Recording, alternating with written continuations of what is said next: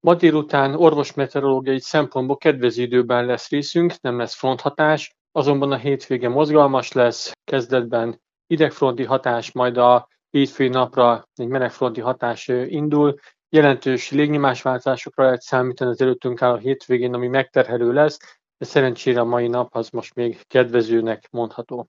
Most még azért relatíve hűvös az idő, de remélhetőleg lassacskán beköszönt az igazi tavasz, hiszen március első napjait tapossuk. Kell már gondolnunk ilyenkor a kullancsokra, ha a természetben járunk?